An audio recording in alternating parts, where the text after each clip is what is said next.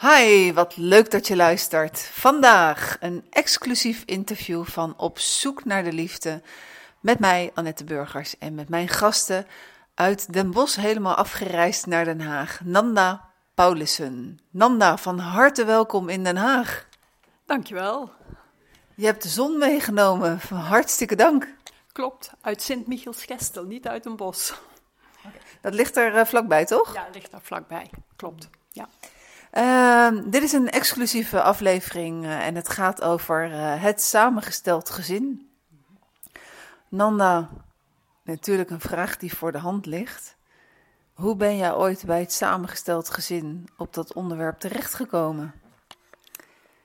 Um, ja, ik heb zelf natuurlijk een samengesteld gezin. Zoals zoveel mensen die uh, met samengestelde gezinnen werken.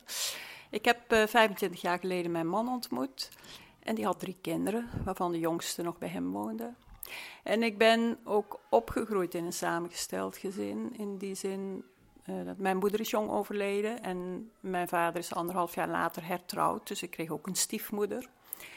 Um, dus ik, ja, ik heb eigenlijk mijn ervaringen als stiefkind en als stiefmoeder uh, gebundeld om te doen uh, wat ik graag wil doen. Oké, okay, nou daar ga ik heel veel vragen over stellen. Uh, die kunnen niet allemaal tegelijk, dus ik ga maar ergens beginnen. Uh, op de dag dat jij jouw man ontmoette, hoe was dat? Weet je het nog? Ja, hoe ging dat waar en, en waar ging die vonk over? Ja, nou, um, ik was al 38. Het is uh, precies 25 jaar en een week geleden. We hebben het vorige week gevierd. En ik had een advertentie gezet in de krant, zo ging het toen nog. En daar heeft hij op gereageerd. En we hebben elkaar voor het eerst ontmoet in Café Américain in Amsterdam, waar ik toen woonde. En uh, wat schreef hij in jou, in de brief aan jou, waardoor jij dacht, want misschien hebben er wel honderden anderen geschreven, uh, maar wat maakte dat jij dacht, deze meneer die wil ik wel gaan ontmoeten? Ah, dat is een mooie vraag. Ik heb al iets van meer dan 50 brieven gekregen, dus dat vond ik al echt een opsteker. En zijn brief sprong eruit, A, door de foto, want hij had een foto van hem met zijn jongste dochter op het ijs en hij had haar bij de hand. En dat vond ik een heel aandoenlijk beeld. En hij schreef echt uh, recht voor zijn raap. Uh, zo van, ik heb een heel verleden. Ja, nu denk je misschien wel dat ik in de gevangenis gezeten heb, maar dat is niet zo. Maar hij, hij, zijn vrouw was gestorven, dus um, ja, en, en hij had drie kinderen, dus, dus dat was zijn verleden. En hij schreef ook dat hij dat belangrijk vond. En dat sprak mij heel erg aan. Ja, dat herkende jij natuurlijk, dat ja, verhaal. Ja, dat herkende ik. Mm-hmm. Ja. En uh, hadden jullie eerst nog wat heen en weer geschreven voordat je elkaar dan ging ontmoeten? Nee, hij heeft mij een brief geschreven naar aanleiding van de advertentie. En toen heb ik hem gebeld. En toen hebben we een afspraak gemaakt. En uh, ja, dat klikte wel niet dat ik. Nou, oh, ik ga even onderbreken, want je had afspraak gemaakt. Was jij als eerste in dat café of hij? Ik denk hij. Dus jij kwam binnenlopen en daar zag je hem zitten. Wat gaat er dan door je heen? Van, oh, dit valt, oh, wat leuk, wat hartstikke leuk. Of dit valt tegen, of wat gaat dit worden? Met wat voor een gevoel doe je dan die laatste meters? Um, nieuwsgierig, benieuwd. Ik vond hem wel meteen heel leuk. Ik heb eerder via een, een, een, uh, zo'n contactbureau een paar mensen ontmoet in zo'n café. En dan heb je soms na ja, na de eerste blik al zoiets van: oh, dit gaat het niet worden. Maar dat had ik bij hem niet. Nee, ik was wel nieuwsgierig naar hem. En hij zag er goed uit. Hij kwam van zijn werk, dus hij was strak in pak. Dus uh, ja. En wat dan ook wel goed was in dit geval, is dat jij wel van tevoren wist. Uh, hij heeft drie kinderen, hij staat hier alleen voor. Uh, maar ergens had je eigenlijk wel al, al de beslissing genomen van... oké, okay, dat deert me niet, ik wil hem gewoon ontmoeten. Ik was heel nieuwsgierig naar hem. En hij is een stukje ouder dan ik, we schelen 13 jaar. En ik had eigenlijk, nadat ik zijn brief gelezen had, zoiets van... deze vind ik te oud, maar het lijkt me wel een hele interessante man... dus ik wil hem graag een keer ontmoeten. En nou, toen zaten jullie daar in dat café en het ging over van alles en nog wat. Weet je daar nog iets van? Ehm, waar het allemaal over ging, jee. Ja, ik denk over zijn kinderen en ook wel over, over zijn vrouw. En, en hoe dat gegaan was en hoe hij zich nu redde. En wat me vooral is bijgebleven, ehm, dat op een gegeven moment besloot om iets te gaan eten. En hij had zijn bril in de auto laten liggen, dus hij kon het niet lezen. Dus ik moest voor hem uh, uh, het menu voorlezen. En ik moest ook uiteindelijk uh, lezen wat het bedrag was wat er op de rekening stond. En die heeft hij wel betaald. Maar hij was een beetje afhankelijk. En ja, dat, dat sprak mij wel aan op de een of andere manier. Ja, hartstikke mooi. En uh, nou, jullie hebben die eerste keer uh, ontmoet. Dat was dan uh, een succes, want je ging gelijk door naar het, naar het eten. Anders dan werd dat al, als je iemand ja. ontmoet en dan vind je niks, dan je zo snel mogelijk weer naar huis. En hebben jullie ehm, de relatie langzaam op kunnen bouwen? Of is het toch omdat hij al ehm, zijn kinderen had, is het eigenlijk gelijk wat versneld gegaan? Het ging wel snel, ja. Ik heb hem. Uh, ik heb nog een paar van die brievenschrijvers ontmoet. Nog twee, maar die waren het duidelijk niet. Na hem nog ontmoet? Ja, na hem. Maar hij had, hij had ervaring met contactadvertenties. Dus hij zei: Ja, je moet niet tien mensen gaan ontmoeten. Want dan, dan kun je ze niet meer uit elkaar houden. En dan wordt het heel onoverzichtelijk. Dus ik heb, geloof ik, nog één of twee andere mensen ontmoet. En die waren het niet, voor mijn gevoel. En toen heb ik met hem nog weer een afspraak gemaakt om te gaan eten. En daarna zijn we een dag naar Texel gegaan. En daar zijn we eigenlijk, hebben we verkering gekregen. Daar was de eerste zoen? Daar was de eerste zoen, op de Slufter. En ik weet nog dat ik op de boot terug zat. Uh, en dat ik echt dacht van, nou zit ik hier zo lekker in het zonnetje tegen hem aan. En nou heb ik voor het eerst van mijn leven echt verkering. Dus dat was heel bijzonder. Dat was ook iets dat je dan jezelf toe moet staan, dat dat dan gebeurt en dat je dat wil. Ik was niet hopeloos verliefd op hem of zo. Maar ik had wel het idee, dit is een hele goede man waar ik me thuis bij voel. En waar ik me bij veilig voel. Precies, ja. ja. En toen ben ik het weekend daarna, denk ik, al bij hem thuis geweest met het idee van mij uit, ik ga daar een dagje naartoe. Maar toen ben ik toch blijven slapen. En toen kroop zijn jongste dochter toch de volgende ochtend bij ons in bed. Die was toen elf. Uh, ja, en toen heeft hij me wel na het ontbijt op mijn verzoek naar de trein gebracht. En toen hebben ze me met z'n tweeën uitgezwaaid.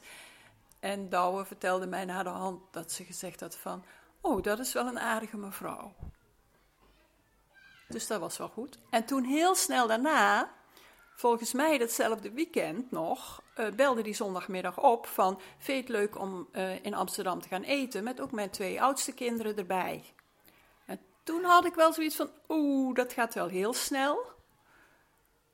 Um, maar hij wilde dat graag en ik wou ook niet flauw doen. Dus ik had zoiets van, goed, dan, dan doe ik dat.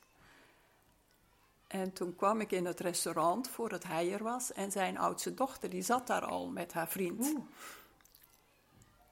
Maar het ging eigenlijk wel goed. Ik heb me voorgesteld en zij heeft zich voorgesteld. En uh, ja, zij is gewoon een geïnteresseerd mens. Dus uh, dat liep wel. Een soort van ballotagecommissie. Hij dacht van nou gelijk voor alle leven. Als ze de afkeuren of ze keuren er goed, dan kunnen we in ieder geval verder. Nou, dat weet ik niet. Ik eerder... Um, eerder denk ik dat hij, dat hij gewoon graag zijn kinderen wilde laten zien. Ja, en misschien wil, wilde hij ook wel iets van toestemming voelen, of in ieder geval zien dat het klikte, uh, voordat hij zelf verder zou willen. Want hoe lang was hij al weduwe? Weduwnaar? Uh, een jaar of drie.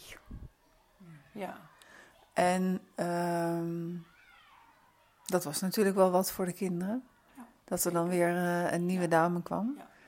Uh, en ook vrij snel natuurlijk. Ik bedoel, het, hij had jou leren kennen en uh, in een mum van tijd lag je in bed en, in, in, in, die zin. Ehm, heb jij nog wat meegekregen in hoe de kinderen dat toen ervaren hebben? Jawel, die oudste twee waren wel blij met mij. Ik was ook niet de eerste vriendin na het overlijden van zijn, uh, van zijn vrouw. Dus, dus ik, ik had de indruk dat die zoiets hadden van nou, deze is redelijk ongecompliceerd, heeft in ieder geval niet ook zelf nog kinderen en een heel verleden achter zich. En we hadden ook wel een goede klik, hebben we nog. En de jongste, uh, ja, daar klikt het eigenlijk ook wel mee. Ja. In het begin was, ging dat eigenlijk uh, ging goed. In het begin. Maar in het begin woonden we ook nog niet samen natuurlijk. En bemoeide ik me ook nog niet overal mee.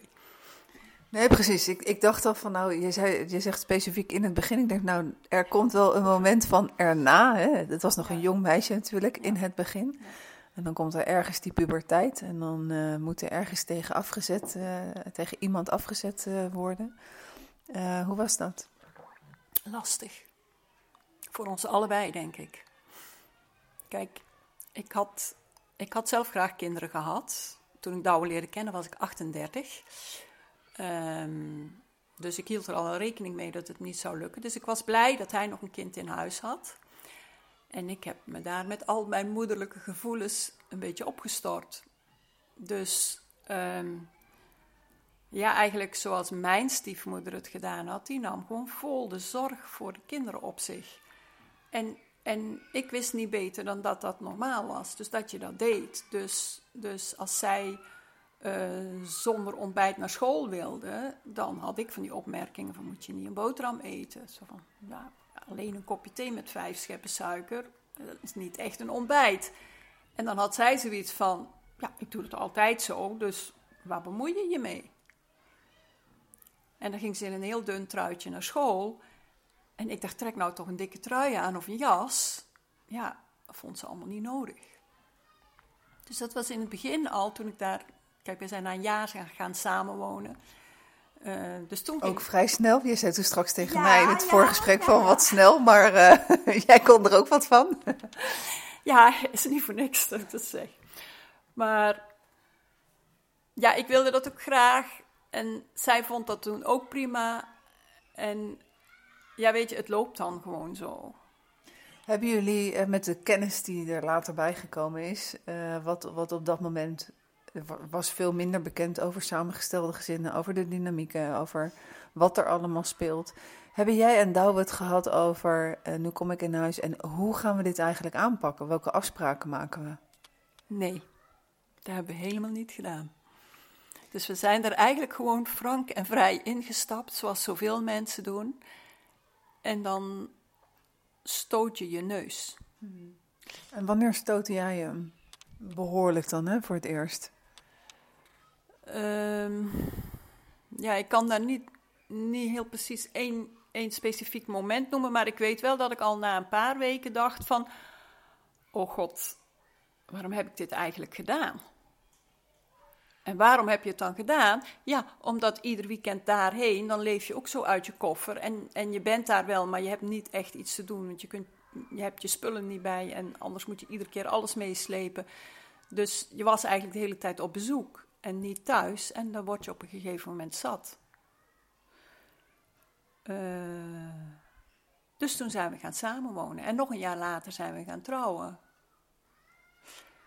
Ook wel Ehm, vanuit het idee, ik, ik, ik wil graag uh, dat het voor zijn jongste dochter duidelijk is dat ik blijf en dat ik niet, niet weer wegga. Dus ik heb wel, wel altijd heel erg, ik denk omdat ik zelf stiefkind geweest ben, het, het belang van, van zijn kinderen voor ogen gehouden. Want ik was als de dood van, ja, nou ga ik wel een relatie aan met deze man. Maar als het dan uitgaat, dan, weet je, laat ik die kinderen ook weer in de steek. En daar zat ik mee. En ik weet nog dat ik dat, dat een keer thuis met mijn ouders besproken heb. En dat mijn vader toen zei van, ja, maar je kan die man geen vijf jaar laten wachten. Mijn vader had natuurlijk ook ervaren dat hij weduwnaar was en dat je door moet met je leven. Dus um, ja, toen ben ik gaan samenwonen. Ik heb wel mijn appartement in, in Amsterdam nog een hele tijd aangehouden. Ik dacht, dan kan ik altijd weer terug. Maar ik heb nooit echt overwogen om terug te gaan. Ik heb ook nooit getwijfeld aan de relatie met mijn man. Maar ik heb het wel moeilijk gevonden. En ik denk dat Douwe, zijn jongste dochter, het ook heel moeilijk gehad heeft.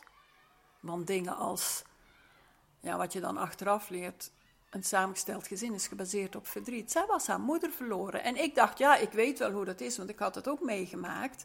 Maar iedereen beleeft het natuurlijk op, op zijn eigen manier. En ja, weet je, zo'n zo'n kind moet dan maar gewoon mee met, met wat vader doet. En, en, en zijn dochter en ik hebben ja, toch wel verschillende karakters. Ik weet nog dat ze ooit tegen mij zei ja, weet je, ik ben nou eenmaal niet zo'n braaf meisje als jij vroeger altijd was. En ik vind, ja, daar had ze gelijk in. Ik was een heel braaf meisje. Ook omdat het in de situatie waarin ik opgegroeid ben niet anders kon. En, en zij had een andere manier om daarmee om te gaan. Dus zij, zij zette zich meer af of ging gewoon meer haar eigen gang. Ja. Wat heb jij eigenlijk allemaal van haar geleerd? Oh, dat is een mooie vraag. Ehm, wat heb ik van haar geleerd? Enthousiasme. Ik weet niet of ik het echt van haar geleerd heb. Er in ieder geval door besmet. Wat ik in haar bewonder. Dat ze vol voor dingen gaat. En ze verweet ons altijd, jullie zien allemaal beren op de weg. Jullie kunnen nou eens nooit enthousiast reageren op mijn plannen. En had ze wel gelijk in. En ook van, ehm, ik was gewend om altijd eerst alles te doen wat moest en dan pas wat leuk is. En zij en ook mijn man, die hebben zoiets van, het is nou zaterdag, ik ga eerst de krant lezen en het gras maaien, dat komt dan wel een keer. En ehm, dat, dat probeer ik wel over te nemen van hun. Ja, ik kan niet zeggen dat het helemaal lukt, maar ik doe wel mijn best. Je bent er wel een beetje bij mee eh, besmet. En Nanda, ehm, als weduwe, als ehm, eh, moeder van twee kinderen van wie de vader ook overleden is, uh, kan ik me ongelooflijk sterk herinneren dat ik zeer zeker die eerste periode tot nou, ver dat ze groot waren, me eigenlijk 300% verantwoordelijk voelde voor mijn kinderen. Dus 100% als moeder, uh, die 100% uh, als vader erbij genomen en dan nog 100% om het te compenseren. Waardoor anderen ook wel eens zeiden: uh, Ben je niet te veel met je kinderen bezig? Heb jij dat ook bij je man gezien of niet? Um, ik heb wel een hele grote betrokkenheid bij zijn kind gezien. Ja, hij nam het ook altijd op uh, voor zijn jongste dochter. Ook wel met het idee van, weet je, jij bent, jij bent volwassen, dus jij moet dan eigenlijk de verstandigste zijn, waar ik dan wel eens van baalde.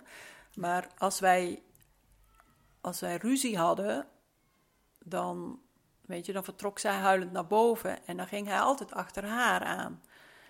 En, en ik weet ook zeker dat hij haar nooit in de steek gelaten zou hebben. Dus als het, als het uiteindelijk niet goed gegaan zou zijn tussen, ons drieën, dan had hij voor haar gekozen. Maar dat was voor mij normaal, want dat had mijn vader ook heel expliciet gedaan. Dus die heeft ook altijd tegen mijn tweede moeder gezegd: Als het niet uithaalt, dan kies ik voor de kinderen. Was voor ons een heel prettige wetenschap. Dus, dus ik, ik vond het heel terecht dat, dat mijn man dat ook deed. Was er ook nog los van het feit dat je het vanuit je verleden uh, goed kon begrijpen en uh, vanuit een bepaald standpunt, misschien uh, heel erg met je ratio bekeken. Hoe, hoe was dat dan voor jou als vrouw, als hij op het moment dat je in een discussie zit met je, met, met je stiefdochter en jouw partner achter haar aangaat? hoe kan je nog iets van dat gevoel herinneren dat je daar dan alleen staat met je verdriet en dat je denkt, ja, maar ik heb gelijk? Mm, ik, ik zie me daar nog wel zo zitten aan die keukentafel. En dan dacht ik van, ja, daar gaat hij weer. En, nou, weet je, het, het was altijd, het gebeurde altijd als ik me eerst een paar weken ingehouden had en dan kon ik me niet meer inhouden en dan barstte ik los. Maar daarna klaarde het ook altijd op. Dus ik wist ook wel van oké, hij gaat haar nu troosten en dan komt ze wel weer een keer naar beneden en dan gaat het ook wel weer een tijdje goed. En het was ook zo. Dus, dus jullie konden eigenlijk wel in een soort van veiligheid uh, discussiëren en, en iets wat ruzie maken. Het maakte de situatie niet onveilig en er werd ook niet gezegd van uh, oppassen, want anders moet je thuis uit. Nee, zeker niet. Nee, nee, ik heb nooit het gevoel gehad dat ik het huis uit zou moeten. Nee. En ik, en ik hoop dat, dat zijn jongste dochter ook nooit het gevoel gehad heeft dat zij weg zou moeten. Maar zij wilde wel graag weg. Dus toen zij 16, 17 was, ging ze echt al op zoek naar kamers. En het is niet gelukt, maar wij hadden een heel groot huis met een souterrain waar je zelfstandig kon wonen. En daar heeft zij op een gegeven moment haar intrek uh, genomen. Dan hoor je nog alles en dan hoor je nog hoe laat ze thuis komt. Um, maar je zit niet meer continu op elkaars lip, dus dat, dat hielp wel. En hoe oud is ze nu? Uh, ze is van 84, dus wordt dit jaar 37. Dus uh, ze is al lang het huis uit dan. Ja, uh, Is ze zelf ook al moeder? Nee, ze is getrouwd en ze, ze hebben geen kinderen, ze willen ook geen kinderen. Okay. Heb jij nog wel eens met haar nagepraat over de periode, hoe alles was? Ja, ja. Al, al eigenlijk toen we er nog middenin zaten. Want het, het bijzondere was, als mijn man voor zijn werk op reis was, en ik werkte toen nog in Amsterdam en we woonden in Nijmegen, en dan ging ik met de trein, dan was ik ook pas om zeven uur thuis en had ik geen puff meer om te koken voor haar en mij. Dus dan gingen we vaak uit eten in een eetcafé. En dat was altijd heel gezellig. En dan hadden wij gewoon als, als twee volwassenen gesprekken met elkaar. En heb ik, heb ik ook verteld hoe dat, hoe dat voor mij was. En zij ook wel hoe het voor haar was. Dus, dus dat heeft zeker geholpen. Ja. En ook later, nadat zij al, al getrouwd was, we ook nog wel eens uit eten geweest. Dat we gewoon over die periode nog, nog, nog echt goed gesproken hebben. Ja. Het is nu gewoon ook helemaal prima met haar. Mm-hmm. Het is wel wat je vaak hoort, hè, dat uh, als uh, de betreffende ouder erbij is, uh, dat het kind naar de stiefouder of bonus of plus of hoe je het dan ook noemen wil. liefmoeder hoorde ik onlangs, vind ik ook een hele mooie titel. Ehm, dat een kind dan toch zich wel anders gedraagt met de ouder erbij. Heb je dat ook zo ervaren? Ik denk dat onze relatie. Um, als er een, een, derde bij is, dan hou je met alles wat je zegt en doet rekening met wat die derde ervan vindt. En als ik gewoon mijn eigen gang kon gaan, dan was ik denk ik authentieker en wist zij beter wat ze aan mij had en kon zij daar op haar eigen manier op reageren. Ze heeft ook wel eens gezegd, en ik haal dat nog heel vaak aan in, in mijn praktijk, van uh, als jij iets tegen mij hebt of als je iets te mekkeren hebt, zeg het dan tegen mij en niet tegen papa, want dan komt het via papa bij mij en ik weet dan toch wel dat het van jou komt. En dan heb ik gewoon veel liever dat je het zelf zegt. En, en zo werkt dat denk ik ook beter. Ja, en het is wel, dat merk ik ook in de praktijk, iets wat uh, heel veel koppels afspreken om die andere weg eerst te kiezen. Ja. En uh, mijn ervaring is dan ook dat kinderen zeggen van ja, uh, ze missen dan de betrokkenheid, de eerlijkheid. En ze voelen zich niet erkend, omdat er niet met hen gesproken wordt, maar over hen. Ja, precies. Ja. ja. Uh, jij, je zei net al in het begin van het gesprek, je was 38. Uh, je had nog de wens om zelf moeder te worden? Ja. Ja. Um, hoe was dat dan, om, daar uit, om dat, die wens uiteindelijk een plekje te geven? Uh, ik merk dat, um, dat dat toch wel een handicap kan zijn in de relatie. Dat als vrouwen een kinderwens hebben uiteindelijk geen kind kunnen krijgen, of dat het om welke reden dan ook, uh, en de partner heeft wel kinderen, um, dat dat wel eens extra moeilijk kan zijn. Ja, nou wat, wat mij erg geholpen heeft, is dat we het wel serieus geprobeerd hebben, inclusief uh, dat we ook nog de hulp van een gynaecoloog ingeroepen hebben. Maar het is niet gelukt. En tegen die tijd was ik al 40. En toen zeiden ze nog van, nou, na je 40ste doen we niet meer. Dus daar heb ik me toen bij neergelegd. En ik heb al die tijd dat we aan het proberen waren, met iedere cyclus ga je een beetje op en neer van ik wil het zo graag. En als het dan, als je dan weer ongesteld wordt, dan is het van, weet je, dan troost je jezelf met de gedachte van misschien is het ook eigenlijk maar beter van niet. Want Douwe was al 53 en ik was al 40. Dan ben je toch een stel hele oude ouders. Dus ik zwabberde eigenlijk continu heen en weer tussen ik wil het zo graag en nou ja, dan maar niet. En toen na zes keer was het dus dan maar niet. En toen heb ik wel echt tegen mezelf gezegd van weet je, je hebt nu een hele lieve man, je hebt een gezin, geniet nou van het kind wat er in huis is, in plaats van dat je vreselijk verdrietig gaat lopen zijn over het kindje wat je niet gekregen hebt. Dat was wel heel rationeel en achteraf ben ik die emoties nog wel tegengekomen hoor. Dus ik heb dat toen wel heel snel weggestopt. Wat voor mij echt een cadeautje was, was dat zijn twee oudste kinderen heel kort daarna zelf kinderen kregen. En, en zijn oudste dochter kwam ook op een gegeven moment bij ons van, jullie worden opa en oma. En vind je dat goed? Je wilt toch wel de oma zijn? En dat vond ik zo'n groot cadeau. Dus ik heb mij vol op het omaschap. Ik krijg zelfs kippenvel van die vraag, dat ze hem zo mooi stelde. Ja, ja, ja. Dat was, ja, dat, dat was gewoon bijzonder. Weet je, en omdat zij dat zo vroeg, mocht ik ook de oma zijn toen, toen een half jaar later zijn zoon uh, een kindje kreeg. En die kinderen zijn intussen uh, 21 en 20 en 19. En we hebben nog twee kleine kleinkinderen van 12 en 10. Maar ja, die zijn ook al niet meer zo klein.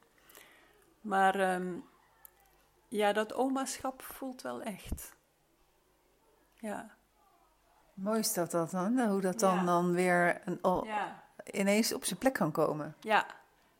Dat, dat, ehm, ja, dat heb ik als een groot cadeau ervaren. En nog. En we hebben niet heel veel contact. Maar als het er is, is het wel goed. En eh, ik koester het. Ja. Mooi. Als we nou even terug in de tijd gaan en eh, naar dat stuk dat jouw moeder overleed. Eh, waaraan is je moeder overleden? Borstkanker. Eh, en dat betekent een, een lang ziekbed of? Eh, ze is drie maanden ziek geweest. November en eind februari is ze gestorven. En hoe oud was jij? Toen ze stierf, zeven. Zeven. Kan, je- eh, wa- wat kan je er nog van herinneren? Ja, dat we een paar keer mee mochten naar het ziekenhuis. En dan waren we even bij mama en dan gingen we, werden we naar de gang gestuurd. Want dan moest papa met de dokter praten. En het was in een bos in het ziekenhuis. En dan keek uit op de Zuid-Willemsvaart. Dus dan gingen mijn zusje en ik naar de boten staan kijken. En we kregen limonade van de, van de verpleegsters. En mijn vader heeft later wel eens gezegd: van, ja, toen jullie een keer limonade gingen krijgen, toen was het foute boel. Want in de zin van? Ja, ze geven geen limonade aan alle kinderen Oh. die daar op bezoek komen. Maar ze hadden natuurlijk met ons te doen, omdat ze wisten dat mijn moeder dood zou gaan. Ja, en eh, je, je hebt wel broers en zussen. Eh, Zeven stuks. Ja, dus ehm, ik vond het al super lastig met twee kinderen om daar alleen voor te staan. Maar eh, ik, ik kan me niet eens voorstellen hoe dat dan voor een man is met zeven kinderen. Acht. Acht, ja, ja, precies. acht. Ja, met mij erbij acht. Ja. Tussen de 2,5 en de 14, zoiets. Al heel praktisch. Hij kon gelijk wel stoppen met werk, of niet? Nee, wij hadden een hulp in de huishouding. Die was er al toen mijn moeder nog leefde. En die kwam van acht tot eh, zes, denk ik. En die is gebleven. En die bleef toen ook slapen. Ehm, bij mijn oudste zus op de kamer. Dus die had niet eens een eigen kamer. Maar goed, dat deed ze. En die is er geweest tot mijn vader opnieuw getrouwd is. Ja, ik dacht even dat je zei van en die bleef ook slapen, dat het al dan gelijk. eh, Nee, de- nee, nee, hoor, bij, je, bij je zus, inderdaad. ja. En- Precies. Eh, bij je zus in het stapelbed. En ehm, dan, je vader is doorgegaan met zijn leven. Is iemand anders tegengekomen of heeft misschien een contactadvertentie gezet. Ehm, de hoeveelste ben jij in de rij? De zesde. Dus er zaten echt wel wat, uh, wat, wat broers en zussen boven je. Hoe, hoe hebben jullie dat als familie ontvangen, een, een nieuwe dame? Um, nou, mijn oma van moederskant zei dat het een heel goed ding was dat mijn vader een nieuwe vrouw vond. En mijn moeder zelf heeft op haar ziekbed tegen mijn vader gezegd dat hij een nieuwe vrouw moest zoeken. Want die had denk ik wel in de gaten, dat gaat hij niet trekken op zijn eentje met acht kinderen. En dat wisten wij niet, maar mijn vader had tegen ons gezegd: Jullie moeten bidden voor dat wat mama beloofd heeft. En dat was dan dat ze een nieuwe vrouw op zijn pad zou sturen. Um, dus dat deden wij, heel gelovig in die tijd. En toen had hij dus verkering. En wij zaten met z'n allen. Hij vroeg op een zondagmorgen van kom eens bij, bij me op bed zitten. Dus we zaten met een stuk of zes, denk ik. Die oudste twee wisten het al. Op zijn bed. En hij zei van uh, ik ga trouwen. En wij wilden natuurlijk weten met wie. En dan mochten we raden. En wij hoopten allemaal heel erg dat hij met een zusje van mijn moeder zou gaan trouwen. Maar die was het niet. Dus dat was een vette teleurstelling.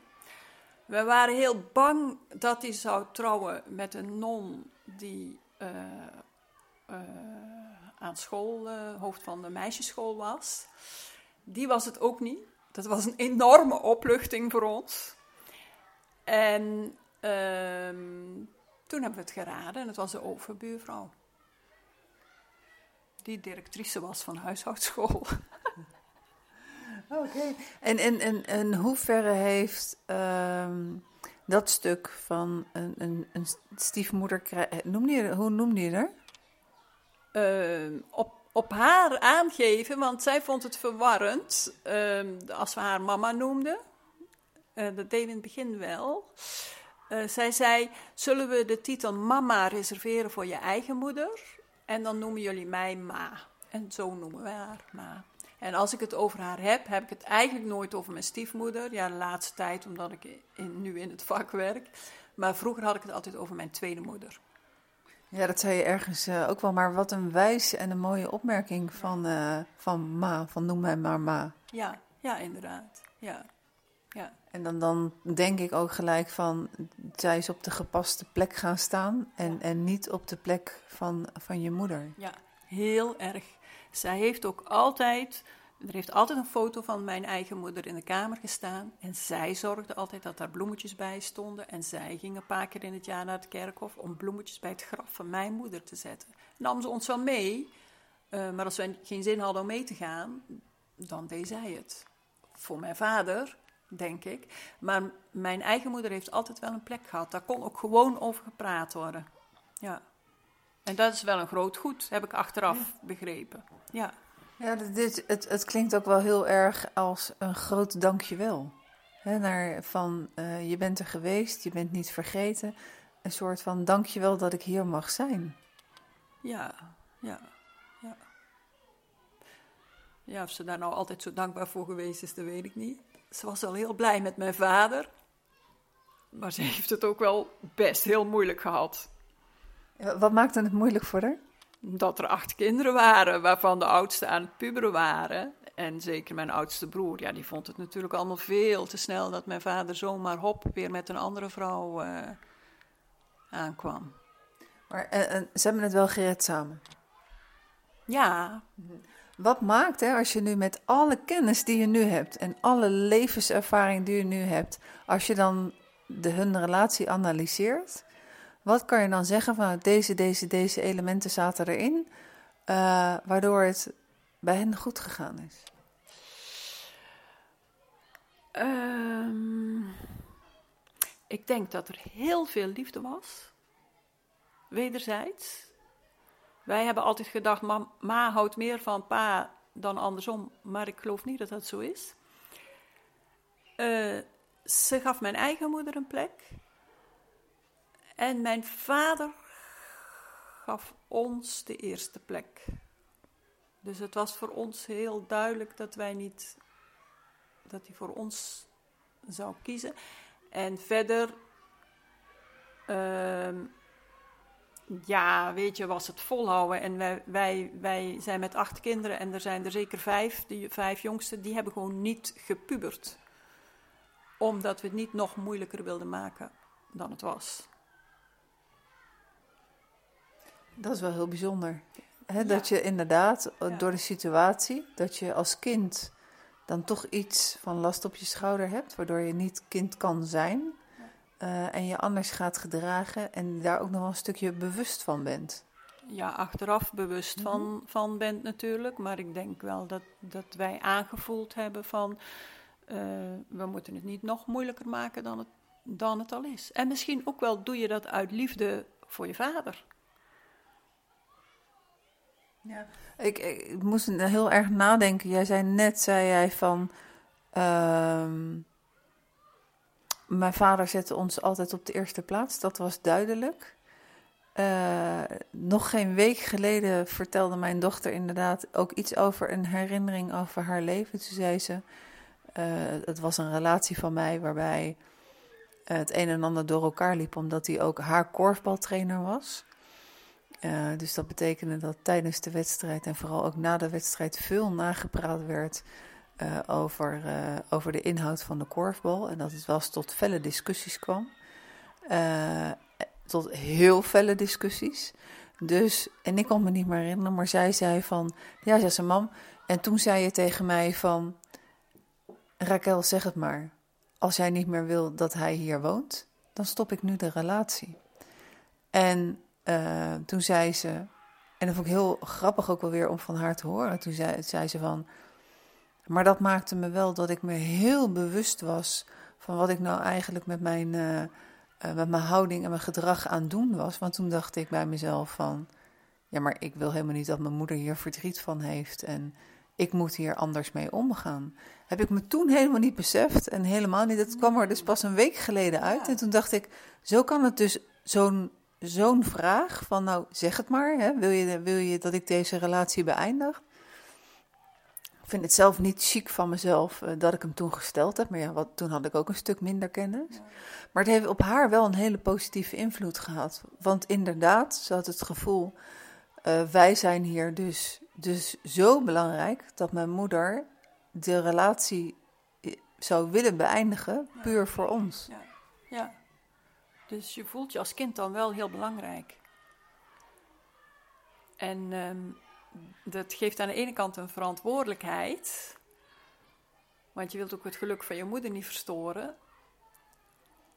Maar het is wel prettig om te weten eh, dat je moeder het ervoor over heeft om haar relatie eraan te laten gaan. Als dat voor jou beter is, prettiger is. Ja. Ja. Eh, Nanda, wat is eh, jouw levensthema wat extra geraakt wordt in de constructie van zo'n samengesteld gezin? Eh, ik geef je even tijd om na te denken. Dan kan ik dus een klein. Mijn thema is bijvoorbeeld. dat, dat heb ik ook vanuit mijn jeugd. Mijn ouders zijn gescheiden. Ehm, toen ik geboren was, belde mijn vader mijn oma op en zei van het is helaas een meisje. Eh, dat heb ik eh, honderdduizend keer in mijn leven door mijn moeder horen vertellen. En ik heb altijd gedacht van, nou ja, het gaat mijn ene oor in en mijn andere oor uit. Tot ik op een gegeven moment in Antwerpen een eh, relatietherapieopleiding deed. En in een, een werkvorm iemand die mij ging coachen, mij de vraag stelde... Maar wat vind je er nou echt van? Toen zei ik, ja, wat vind ik er echt van? Het gaat mijn ene oor in en mijn andere oor uit. En toen zei ze, ja, als je het nou eens niet je ene oor in en je andere oor uit laat gaan, wat gebeurt er dan? Het was in de tijd van corona, het was online, dus ik begon te huilen. Uh, een medecursist in Amsterdam begon te huilen, twee dames in Antwerpen. We hebben er zalig om gehuild, maar daarna zijn er wel wat puzzelstukjes bij mezelf gevallen. En een gevoelig thema voor mij is van wat is mijn plek? Ben ik welkom hier? Wat is mijn plek? Zeker in het samengestelde gezin is wat is je plek? Uh, insluiten, uitsluiten, een heel gevoelig thema.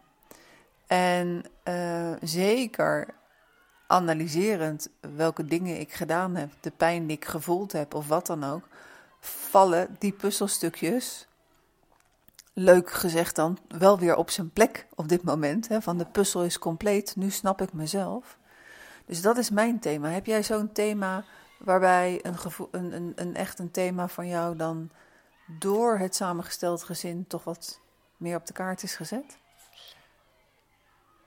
Ja, nadenken en luisteren tegelijkertijd is niet mijn sterkste kant. Dus ik heb geluisterd naar jou en nu ga ik nadenken.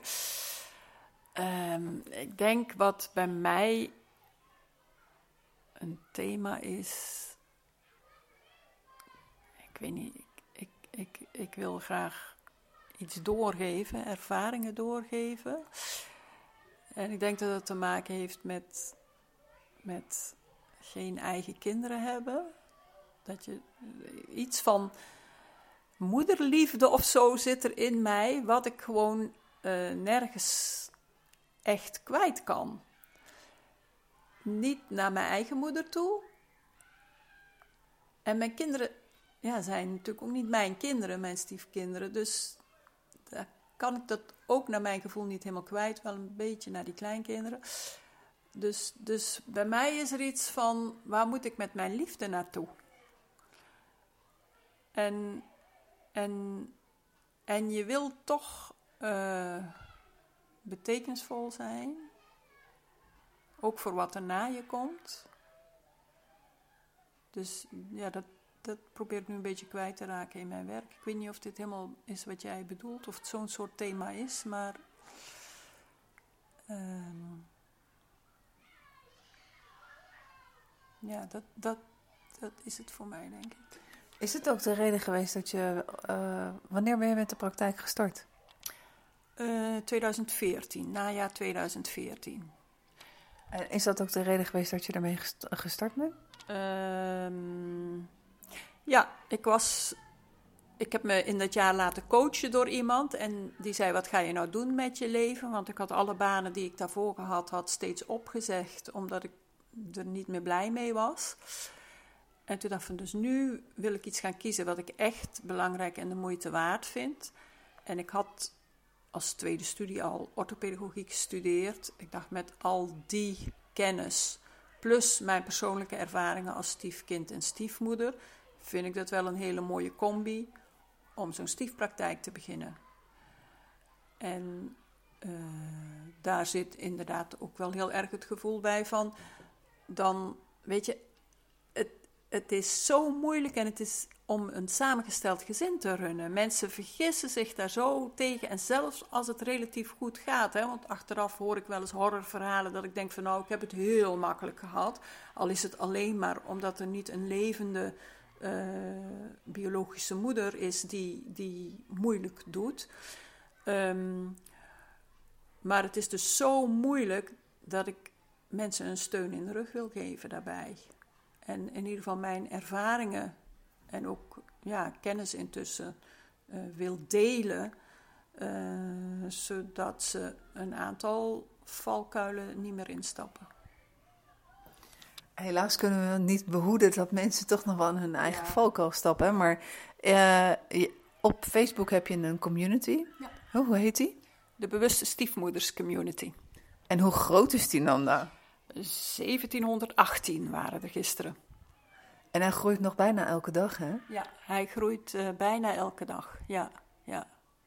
En al die vrouwen, of niet, niet allemaal, misschien zijn er tien die het niet doen, maar heel vaak uh, willen ze gewoon even iets van hun afschrijven. En wat ik het mooie vind aan jou, dat uh, ik denk dan, nou, dit kost ongelooflijk veel tijd en energie, maar elke vraag, volgens mij, als je hem voorbij ziet komen en je hebt de tijd, uh, dan geef je inderdaad op een, een hele mooie, liefdevolle uh, manier antwoord. Met erkenning. En um, ja, hoe kan ik dat nou het beste zeggen? Dat als, als je vindt of als je denkt dat er toch. Dat, dat, dat iemand iets toch anders of handiger zou kunnen doen, laat ik het zo heel positief en, en zeggen dan zeg je het ook.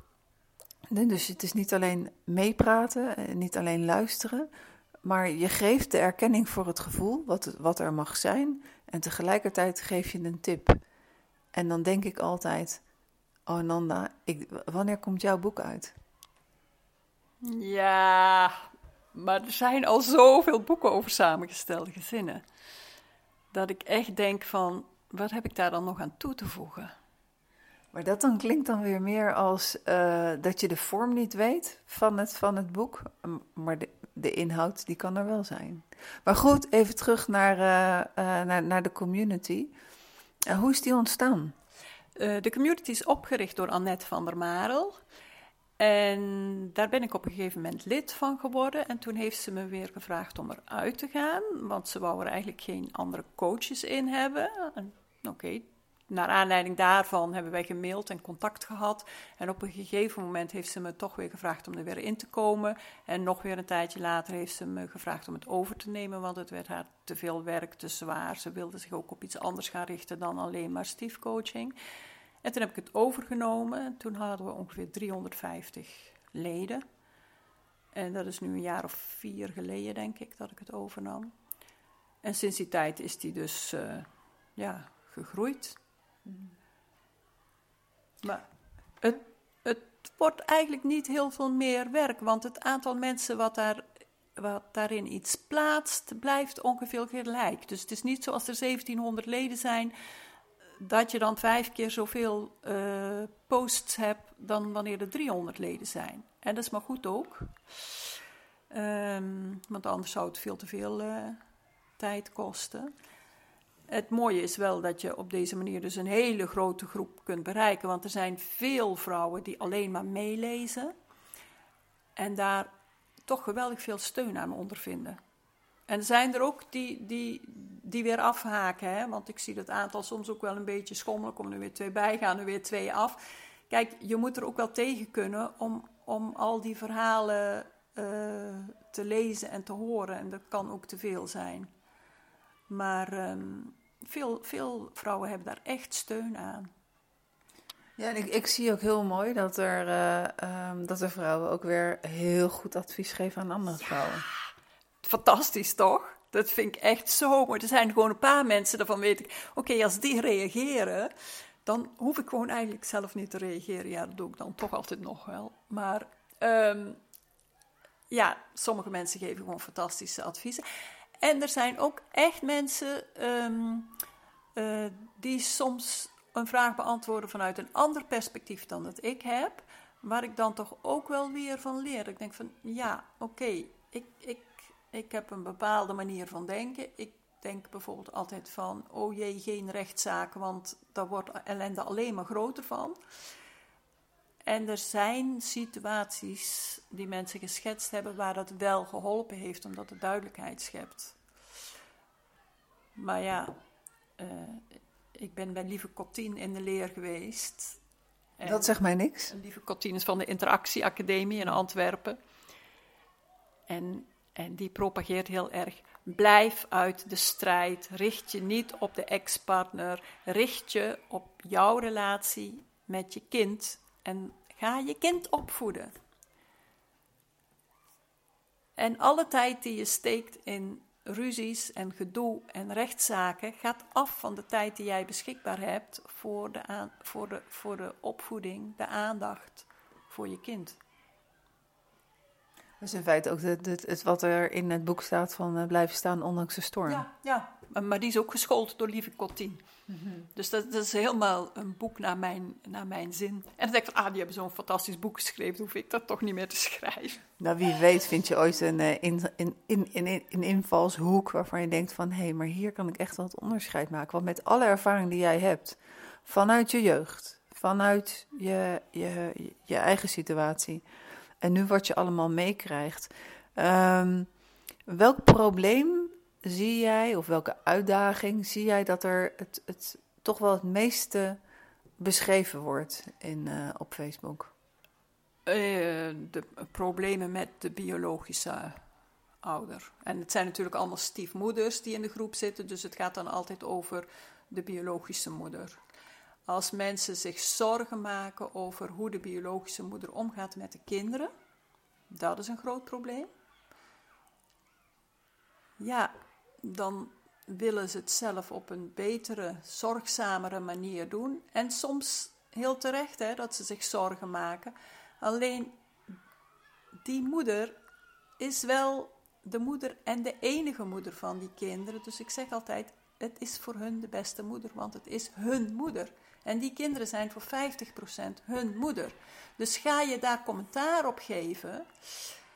En dat hoeft niet eens doordat je erover praat, maar door de manier waarop je kijkt of hoe jij zucht als ze binnenkomen met weer te kleine kleren of weer dit of dat. Ehm, dat pikken ze op. En dat betekent van, oké, mijn moeder is eigenlijk niet goed genoeg. En dat breng je kinderen in de knel. Dus dat is een groot probleem. Ehm, ja, en dan vinden ze soms dat, dat die biologische moeder veel te veel alimentatie krijgt, waardoor het gezin waar dan de stiefmoeder in zit, eigenlijk heel weinig geld overkrijgt, overhoudt om van te leven. En dat is voor sommige mensen echt ja, een reëel probleem natuurlijk, maar daar ontstaat ook heel veel gedoe over. Want als zo'n man het met zijn ex geregeld heeft, om wat voor reden dan ook, misschien alleen maar schuldgevoelens, uh, en het is goed geregeld, dan hoop je dat er op die manier wat rust komt, ook bij die biologische moeder. En als er dan een nieuwe partner komt die daaraan gaat lopen peuteren, dan gaat die rust daar weg. En dat is niet goed voor de relatie tussen uh, de vader, de ex en de nieuwe partner. En dan en hebben, de kinderen zitten ertussenin, die hebben daar last van. Dus ik denk altijd van, laat die afspraken nou gewoon die afspraken zijn. Sommige mensen gaan ook peuteren aan hoe vaak het kind komt. Dan denken ze, ja, ik ben er nu en ik ben toch thuis, dus dan kan, kunnen kinderen ook wel vaker komen. Dat is leuk voor papa. Ja, leuk voor papa, maar dan ga je dus wel peuteren aan de afspraken. En ik weet niet of de kinderen daar dan zo blij van worden. Ehm, dus dan zeg ik altijd van, weet je, de kwaliteit van de relatie is veel belangrijker dan de kwantiteit. Dus hoe vaak dat kind bij jou komt, als het zich maar gewoon daar thuis voelt, zich gezien voelt, uh, zichzelf kan zijn, natuurlijk met, met respect voor de andere mensen in huis, dan mag je wel vragen van kinderen. Weet je, dan is het goed en dan, en dan houden die kinderen wel een goede band met hun vader en bouwen ze langzamerhand ook wel een, een band op met jou. Maar die zal altijd dunner zijn dan de band die ze met hun eigen ouder hebben. Dat kan niet anders. En vaak komt de waardering pas jaren later. Ja. Hè? Dat is ook zo. Ja. Uh, we, we, hebben net de zomervakantie achter de rug. En oh, oh, oh, oh. Ja. Al die vakantieverhalen. Ja, dat ook, ja. Ja. Dus uh, ja, daar heb ik pas een blogje over geschreven. Uh, mensen verwachten zoveel van de vakantie. En vakantie is voor sommige mensen zo belangrijk. En dan zeker als, als die stiefkinderen normaal gesproken om het weekend komen. En dan in, in één keer gaan ze drie weken met papa en zijn nieuwe vriendin op vakantie. En hoe je vakantie viert, ja, dat doen mensen op heel verschillende manieren. En ja, dan zit je wel gewoon drie weken op elkaars lip. Dus ik zeg dan in die blog van, weet je, eh, je hoeft geen drie weken te gaan. Ga nou niet zo ver weg. Als het kleine kinderen zijn, dan missen ze echt hun mama. Dat is niet alleen maar flauwekul of omdat die moeder ze dat aanpraat. Kinderen van, van 4, 5, 6, 7, 8, die, die hebben gewoon heimwee.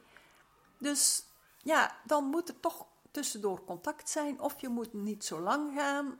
En zoek nou iets wat, wat iedereen leuk vindt. Heb het daarover van tevoren met z'n allen. Van wat verwacht jij van vakantie en jij en jij.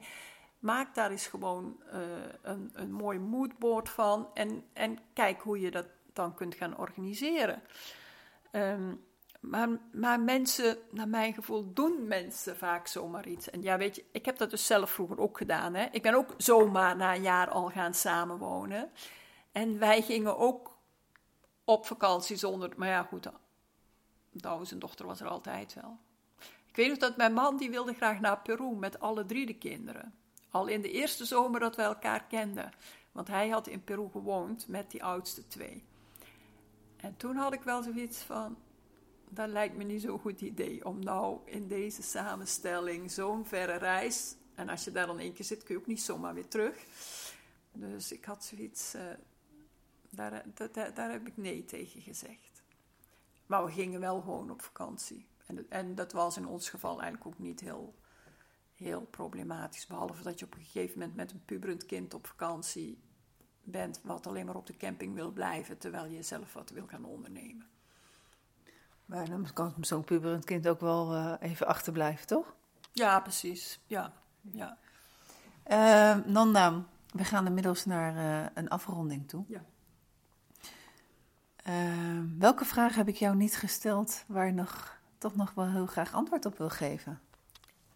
Ehm, nou, je hebt mij één vraag toegemaild van tevoren. En dat was waarom ik zoveel tijd in die Facebookgroep stak. En het antwoord daarop is, denk ik, het is gewoon ook eigen belang, um, omdat ik daar mijn kennis kwijt kan en mijn ervaringen. Dus het is eigenlijk ook een stukje, ik haal daar erkenning op. Het gevoel dat ik ertoe doe. Ik wilde altijd graag een baan waarin ik ertoe deed. En ik heb in die, in die Facebookgroep heel erg het gevoel dat ik er daartoe doe. En misschien is dat helemaal niet waar, hè? want er zijn meer mensen die daar gewoon goede antwoorden geven. Dus als ik, als ik ermee zou stoppen, dan zou het vast wel gewoon doorlopen of door iemand anders overgenomen worden. Maar ik, ik meen toch dat ik daar een, een bijdrage kan leveren waar mensen wat aan hebben. En dat vind ik leuk. Mooi. Uh, Nanda, waar kunnen mensen jou vinden? Hoe heet jouw praktijk en waar zit die? Mijn praktijk heet Gezinspraktijk Gestel en hij zit in Sint-Michels-Gestel en dat is uh, vijf kilometer van Den Bosch. Ik wil jou danken voor jouw rit naar Den Haag. Danken voor uh, het meenemen van de zon. Danken voor uh, dit mooie gesprek waarbij je heel openhartig geweest bent. Ik vond het heel erg leuk om je te leren kennen. Ik heb je gezicht ook zien stralen. Okay. En dank je wel. Ja, heel graag gedaan. Was ook leuk om te doen. Oké, dit was uh, Op zoek naar de liefde met een uh, special edition samen met Nanda over het samengestelde gezin. En uh, je weet inmiddels waar je Nanda kan vinden als je mij wil vinden. De praktijk is verhuisd van Rotterdam naar Den Haag en het is nu Stiefgoed Den Haag West. En in Den Haag heb je ook nog steeds Stiefgoed Den Haag Oost met Shorty Vos. En we zijn dus heel breed van eh, het oosten naar het westen en van het westen naar het oosten zit stiefgoed op dit moment in Den Haag. Stel je vraag, laat het weten aan Nanda of aan mij. En uh, meestal zeg ik tot over twee weken, maar dat zeg ik nu niet, want het is een exclusieve aflevering. Dus dankjewel voor het luisteren. Dankjewel voor het kijken als je naar de videocast kijkt. En graag tot een volgende aflevering.